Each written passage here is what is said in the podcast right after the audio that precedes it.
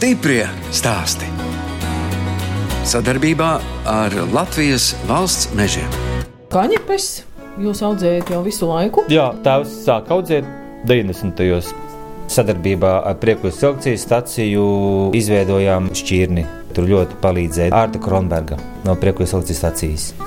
Šķirnes tas atzelvieši. Tā ir pirmā šķirne, kas tika izveidota, lai saglabātu vietējās izcelsmes tās kaņepes sēklas, kuras esam jau no gadu gadiem sējuši, un tad uz tā pamata izveidoja šķirni. Šķirni ir certificēti.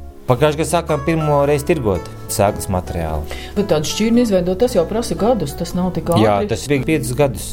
Viņi ir mūsu paši latvieši. Tā nav ārzemē. Mēs to naudu nedodam ne somiem, ne citiem. Tā nauda paliek mūsu pašu attīstībai šeit, Latvijā.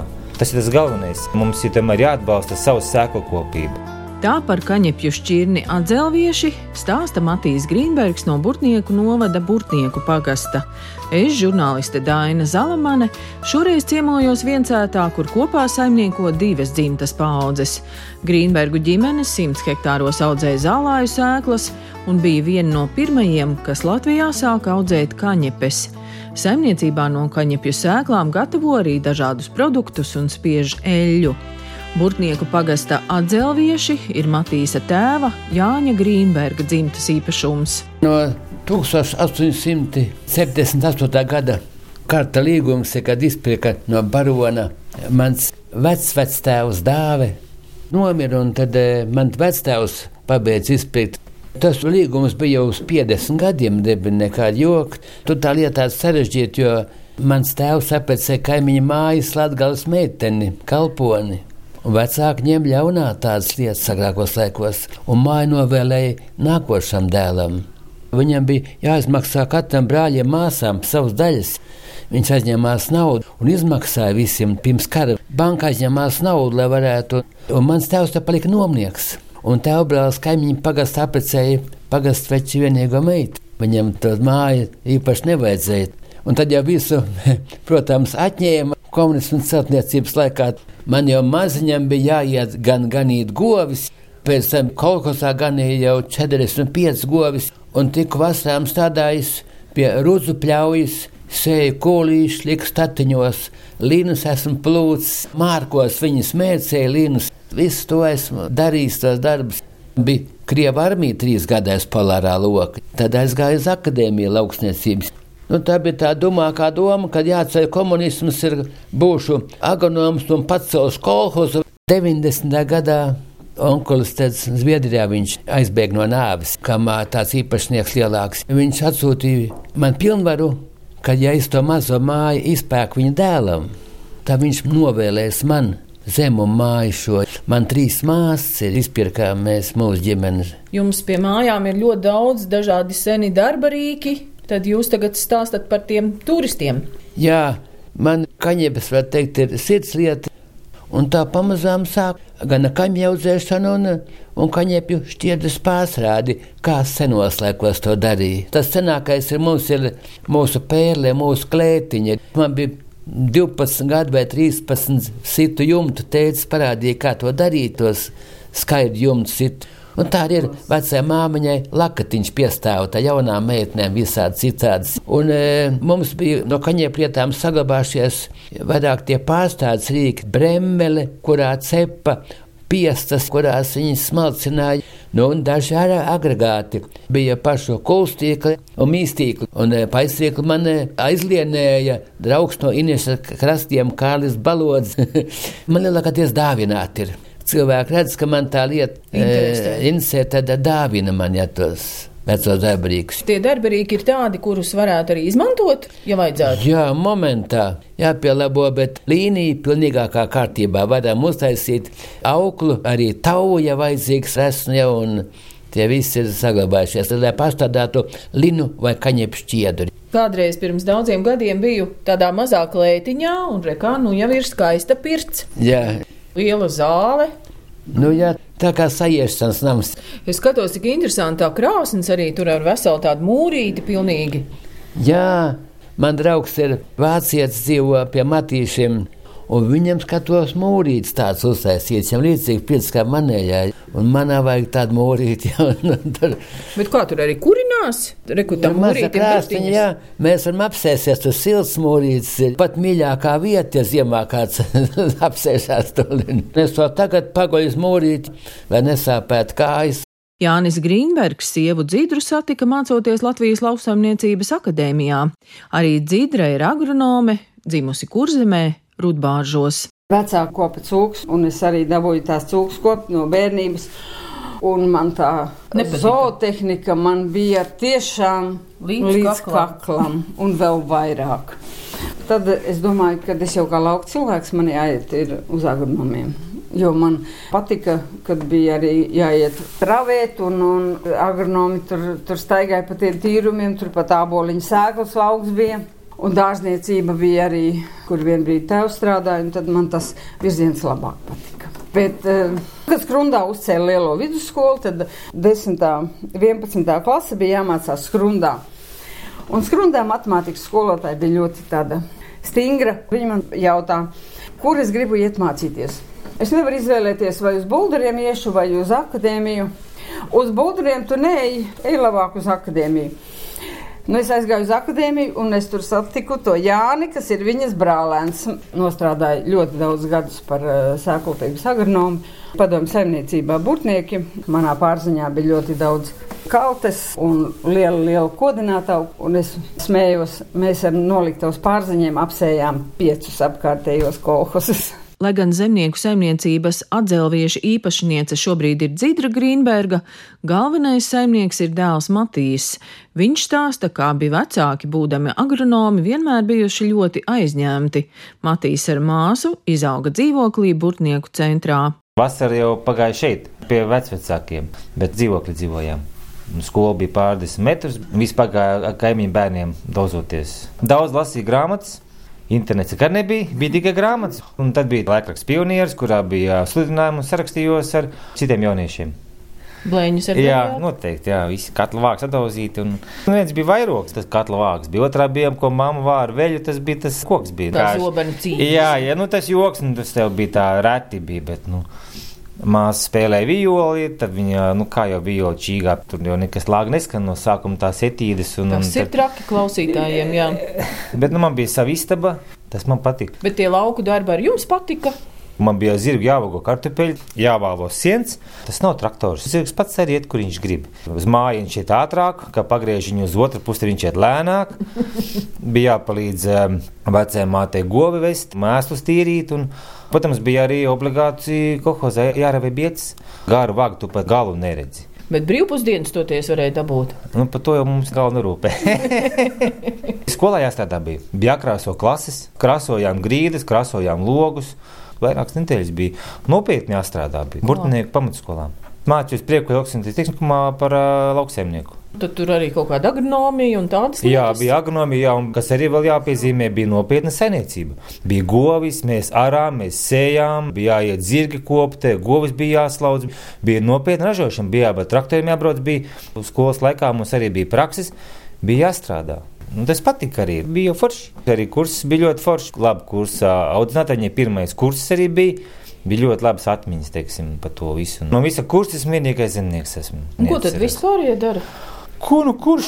Cits tur autos, mašīnas tirgo, viens pavārs, ko nu kurais. Bet lauksaimniecībā jau tomēr svarīgi, nu, ir tā zeme. Nu, ja tev nekā nav, kā tad tu vispār iesāksi? Šodien vispār turpināt vai nu iesākt to, vai kādu pārņemt, jo vienīgais ir, teiksim, zemenes vai krūmelenes vai dārziņi vai sutumnīs, tad tu vari tur atspērties, tev nevajag tik liels, bet tieši lauksaimniecība tikai pārņemt vai turpināt. Stiprie stāsti!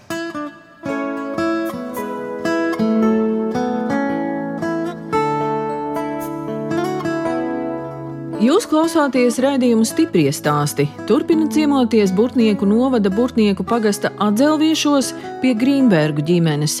Viņi apsaimnieko 200 hektārus zemes, 15 hektāros aug kaņepes, 4 hektāros zirņi, arī graudaugi un dārzeņi, bet lielāko daļu 100 hektārus aizņem zālāju sēklas.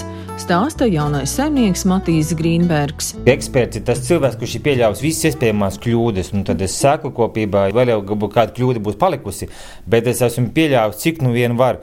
Un zinātnieki, kur mēs skrīvros sadarbojamies, viņi saka, nu kur tu man nepavaicāji, pieņemsim par to pašu rapsi. Vai man ienāca prātā, ka man nāboliņš nebūs tā, ka trīs gadus atpakaļ iesēja rapsi un migloja augsnes herbicīdu. Un vienā instrukcijā nav minēts, ka viņš iedarbojas trīs gadus, un uz āboliņš ļoti jūtīgs par to herbicīdu. Un tas nozīmē, ka āboliņu tagad nevar sēt? Vienkārši, ka man ražas nav. Un kas ir tas herbicīds? Teridoks. Tas ir tāds herbicīds, ko izmanto nezāles, lai iznīdētu.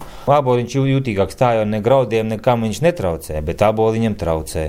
Un tāpat daudz citas lietas arī. Zālē sēklās ļoti augsts, ļoti jāievēro. Mums ir airenis, hibrīdā ganība aireni. Šogad iesēja auziņa aireni, āboliņš, timotiņš, mauriņam ir sarkana auzene. Un arī iesēja arī guntu, tas ir tāda ganība aireni speciāli mauriņam. Viņi ir tādi smalkāki, teiksim, jo lobrībā vajag vairāk stiebrus, tad mauriņam vajag, vajag zaļumu. Pamatā viss zālē sēklas. Mums ir septiņu gadu augstseka. Es zinu, kursos bija. Tur teica, nekāda augstseka, tikai augmaiņa. Tekstilī liek tabuliņas, bet uh, dzīve vienmēr koriģēju. Man ir nomazemes, jau mums īpašumā ir gandrīz simts, un tas simts mēs nomājam. Tā tam nomas laukiem ir, tad ir tā kā ir. Jā. Kāpēc te jūs zirņus arī audzējat? Tas mums tā kā papildus biznesiņš. Pamatā risku sadalīt. Tāpēc mums ir dažādas kultūras, jo kaut kas var neizdoties, tāpat kā pagājušajā gadā savas vasaras. Tad zirņekli izdodas vai otrādi. Risku mazināšana. Dažādošana, mazināšana. Jā, jā, jā. jā. Esam izmantojuši Eiropas struktūra fondus, dabūjām vienu traktoru. Lielu, jaudīgu? Nē, mazu, jo, lai būtu ekonomiskā un nav prātīgi mīcīt zemi, tērēt degvielu, piesārņot vidi, ar lielu tehniku, ja tu viņu neko neizmanto. Mums tehnika parks ir liels, bet pamatā divi ārzemju traktori, tad mums kādi trīs tie Baltkrievu tā tehnika. Nopirkām modernu to kombainu, Ņūholandu kas ir daudz ražīgāks, kvalitīvāks, mazāk izbirst ārā tās sēklas. Teiksim, nu, man bija piemērs ar miglotāju. Es arī investēju nopirkt ļoti modernu miglotāju. Un tad es prasu tam kaimiņam, man ir 15 metri, viņam bija 10. Nu, vajadzēja ņemt 20 metri. Tagad pamāzu it kā. Bet tad man tas likās jau daudz. Viņš ir platāks, viņš ir ekonomiskāks, jā, mazāk degvielu mazāk degvielu patērējis, gan laiks, jo vislielākā vērtība ir laiks šodien. Matīs, redz, kā jūs stāstat, un es skatos, cik aktīvi mamma seko līdzi, kā viņai gribās visu kaut ko jā, papildināt un piebilst. Un... Visi kopīgi mēs iesaistamies. Jā, nu, mums ir komandas darbs. Bez vecākiem mēs vispār neko nebūtu sasniedzis. Bez vecākiem vecākiem nebūtu nekas. Burtnieku novada atdzelviešu saimnieki vieni no pirmajiem Latvijā sāka audzēt kaņepes. Kaņepēm pats galvenais ir rudens. Ietekmē jau arī sausums un, un, un mitrums, bet viss svarīgākais ir rudens. Nu, jābūt sil, siltam un sausam rudenim. Jā. Ne, ja, teiksim, ir lietas, tā ļoti ilgu laiku mitrs, tad kaņepes izdīgs jau vārpiņās. Mums vienu gadu bija tā, ka mums viss kaņepes izdīga, un tā viņas nedara pārtikā. Nu, cik nedara. tā šķirne ir augsta? Kā mēslo? Apmēram pusotru metru. Un kā jūs vācat kaņepes? Vācam graudu kombēniem. Dažādi kombēni visi tāpat tinās un notinās ritīgi. Ko tas nozīmē? Tā notinās, ka sāk dūmu, ka sāk tāpat kā gruzdēt un degt. Jo kaņepes ir ļoti grūti kult. Šķiedra iekšā ļoti sīksta ir. Tās aptinās, aptinās, jo kombainām visur, kur kaut kas rotē, griežās, jā. rotē, un tur visur tā šķiedra aptinās. Un tāpēc jau žēli to labo kombainu tur laist, un tad priekš tam ir tie vecie krievu kombaini. Vistrakākais tas rudens, kad ir tie uztraukumi, ka nu būs tā diena, kad varēs to kombainu iebraukt. Jāmāc tikai tad, kad viņi gatava, ja? Nu, jā. Es jau tā kā drusku agrāk brauktu te tīrumā iekšā, bet nu viņi gatavina, gatavina un man tos nervus beidz. Kaņepju dēļ atdzelviešu saimnieki sāka nodarboties ar turismu. Mēs par savu turismu krustmāti saucam Gunu ķiberi no Rujienas. Kādreiz braucām visi ekskursijās uz Eiropu Un tad bija bilžu vakari. Jānis bija rojieniešiem līdzi uz Austriju vai nu, kaut kur tur uz, uz Eiropu. Vajadzēja tās bildes skatīties, un visi bija sanākuši mūsu klētiņām. Bet es nevarēju sagatavoties, jo atbraucu mājās no Valmieras uzņēmēju dienām. Un man bija tikai pāri palikušās kaņepes maizītes. Un es tās pašas arī liku galdā. Un Guna teica, nu te tak ir jūsu turisms. Jūsu kaņepes maizītes, Siltā laikā mēs eh, galdus klājam vecajā simtgadīgajā klētiņā, un tad, kad ir augsts, tad mēs šeit pirtiņā. Un tā kā es smējos, kad mēs tā drusciņā ārā viņus pasaudējam, tur pie tiem darbarīkiem, kamēr novijam no kaņepājiem virves, un tad mēs šeit sasildam ar karstu tēju un ar kaņepu mazītēm. Šeit ir eh, kaņepju sēklas, kuras ir grauzdētas, lai eh, dabūt to specifisko garšu. Tas notiek senos laikos tajā brembelē, bet nu, mēs visu darām šodien uh, ar elektrību. Jāgrauzdē tā, lai ārpuse būtu sagrauzdēta, bet kodoliņš iekšā nebūtu skarts, lai tas būtu salds. Nu, tad, kad sagrauzdējam šīs sēklas, tad mēs maļam. Samaļam ļoti smalki, un tas mums saucās kaņepju aizdars. Var pasmaržot? Jā, nu ir īstās. Un, uh, tautā viņš saucās kaņepju sviests. Šeit nav sviests klāt. Šeit ir tikai uh, kaņepju sēkliņas. Smalki samalts, un jo viņas ir kvalitatīvākas, jo viņu kodoliņš vairāk satur eļļu, tad uh, viņu lūk ir šāda te mīksta, tā masa vijīga. Tur kaut kāda sāls arī drusciņ klāta. Tur nekā nav klāta. Vienā no pirmajām tām degustācijas reizēm viena kundze saka, nav tā viņas bērnības garša, kas viņai saglabājusies. Šajā trauciņā ir tās kundzes bērnības garša. Tās pašas sēklas, tikai cits malums. Šis rupji maltais kaņepju aizdars. Bet ļoti interesanta garša un kraukšs starp zobiem. Jā. Kad atbrauc turisti, es to pieminu vienmēr tās kundzes bērnības garša. Teicāt, ka Jānis vienmēr ir tas galvenais degustators, viņš, jā, jā, viņš, viņš vienmēr ir... visu nogaršo, vai ir rīktīgi, vai nav rīktīgi. Jā, viņš ir tas, kas mūs degustē, vai sēklas atbilst. Bet kā tur ņem vēl to apelciņu nost? Nē. Nē. Šeit ir viss apvalciņš samalts, šeit ir smalki un šeit ir netik smalki. Tad Jānis bija doma, ka viņš varētu tās kaņepju sēkliņas izlobīt un ēst tikai kodoliņus. Nu, tas tā nesanāca. Saberzām visu smalki un ilgi, ilgi domājām nosaukumu un izdomājām kaņepju sēklu kripatiņas.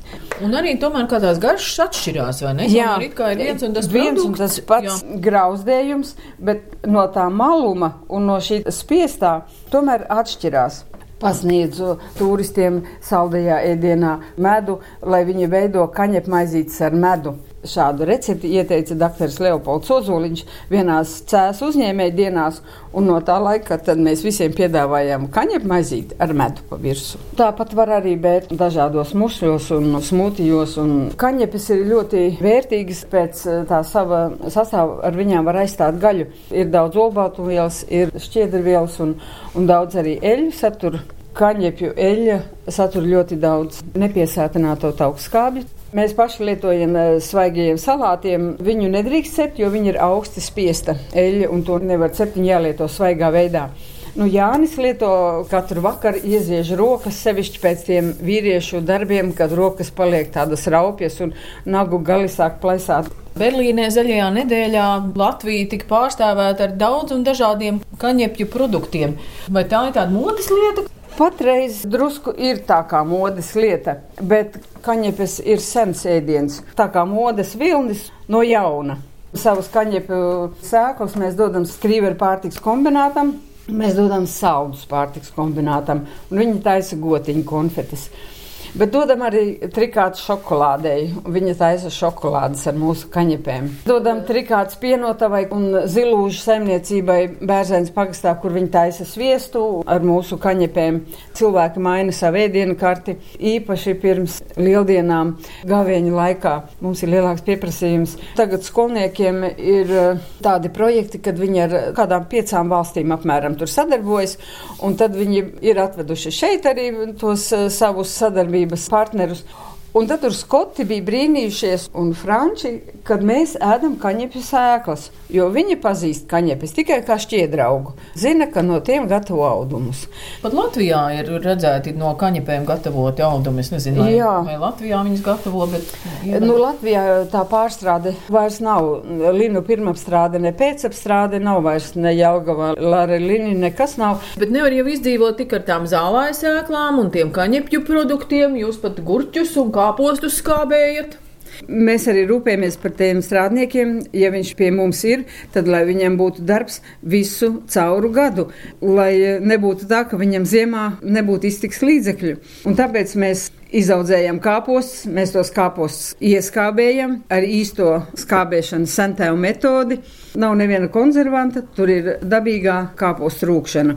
Tāpat arī pie skābajiem gurķiem. Tā ir vietējā atzelviešu recepte, ko Jāņa tēvs izmantoja toreiz lielās mucās. Tagad mēs skābējam mazākos traukos. Un kur tad tas tirgus ir Valmiera? Tirgus ir Valmierā. Mūsu ražotā prece, sākot no kaņepēm līdz gurķiem un kartupeļiem, ir pieejama. Nu, arī vasarā marinējam gurķus, un uh, tirgu ir arī mūsu pelēkie zirņi, kas ir priekuļu selekcijas stacijā izaudzēti.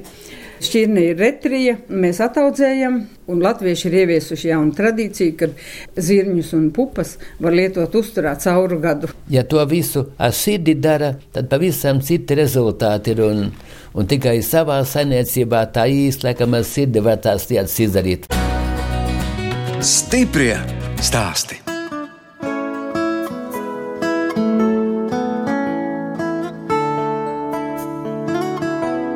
Skan raidījums stipri stāsti. Šoreiz ciemojos Burtnieku novada Burtnieku pagasta atzelviešos pie Grīnbergu ģimenes.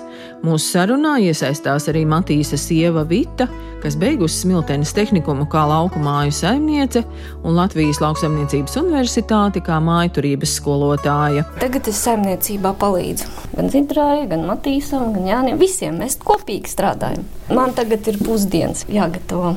Un mēs paši mājās esam astoņi, un vēl, vēl trīs strādniekiem. 11 cilvēkiem. Jā. Un ko jūs gatavojat? Zupas vairāk vārat? Viss kaut kas, jo reizēm jau sāk aptrūkties idejas. Un tad sākam domāt, jāpaskatās žurnālā kaut kas, vai Tā ko varētu internetā visu kaut ko Jā, internetā.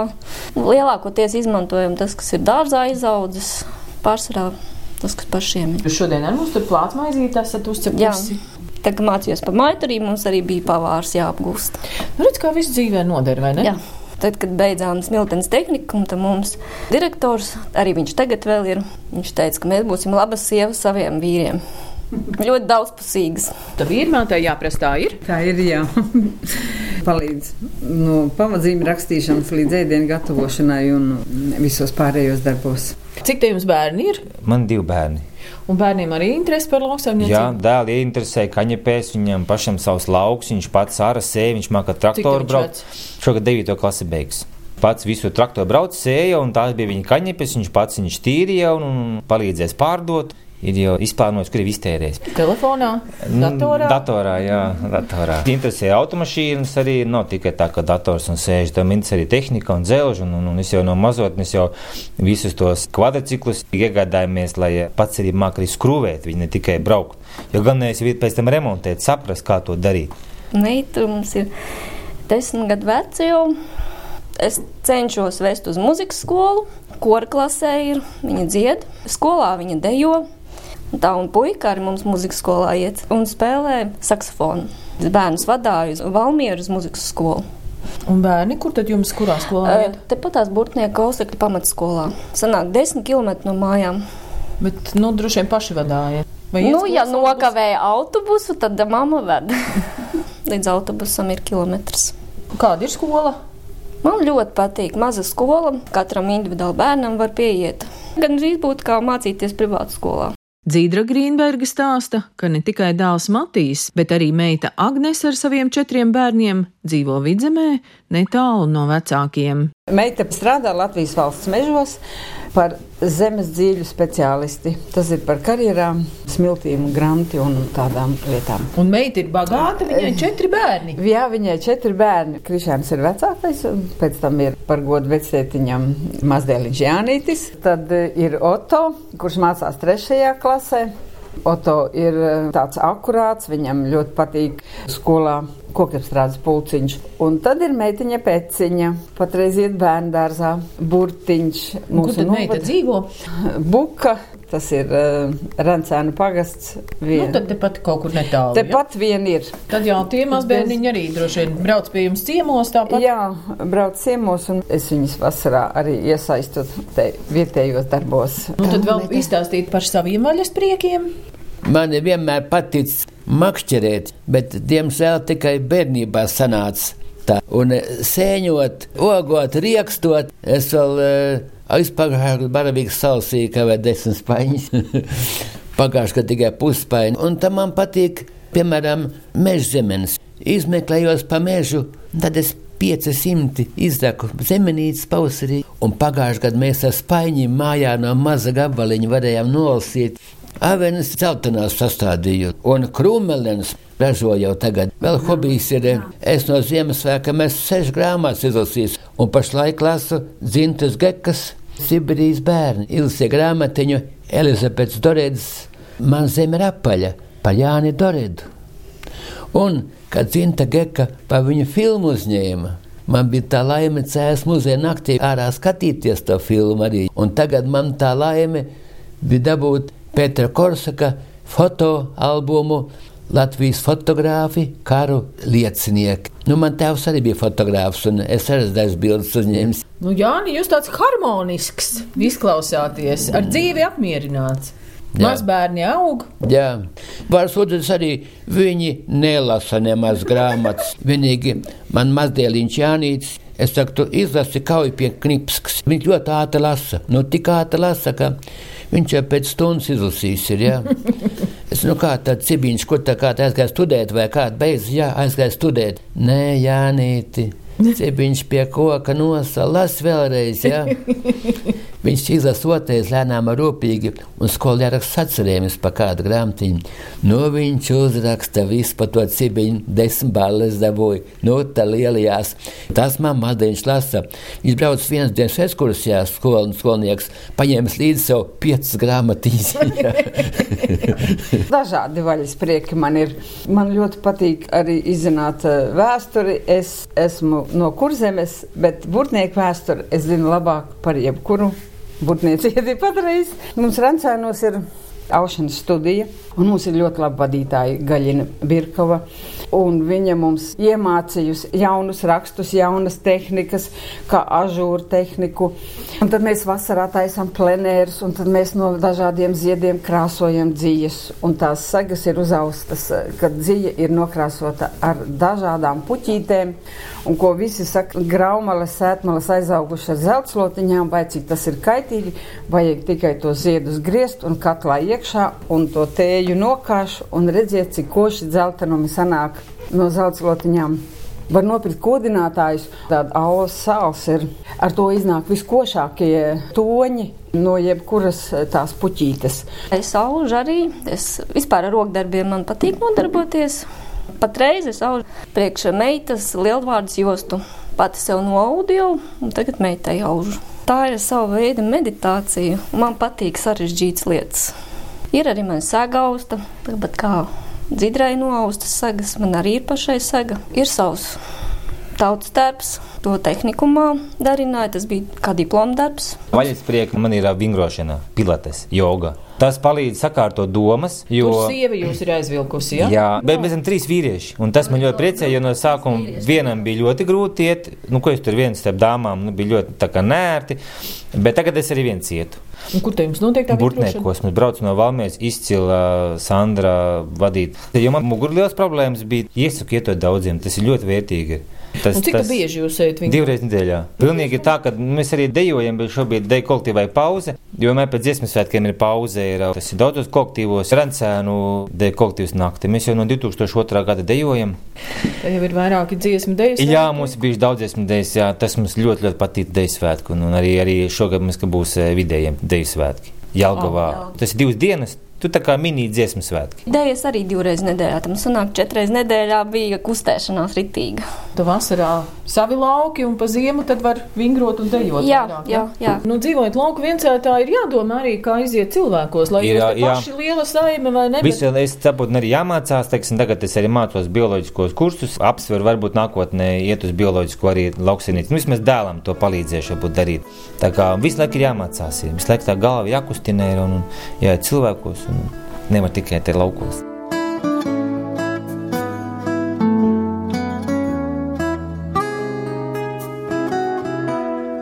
Raidījums stipri stāsti izskan, un es atvados no Grīnbergu ģimenes, vecākiem Dzīdras un Jāņa Grīnbergiem, viņu dēla Matīsa un Vedaklas Vitas. Saimnieki audzēja zālāju sēklas, un viena no pirmajiem Latvijā sāka audzēt kaņepes un gatavot kaņepju produktus. No jums atvedās žurnāliste Dāna Zalamane un operātore Inga Beidele, lai tiktos atkal tieši pēc nedēļas.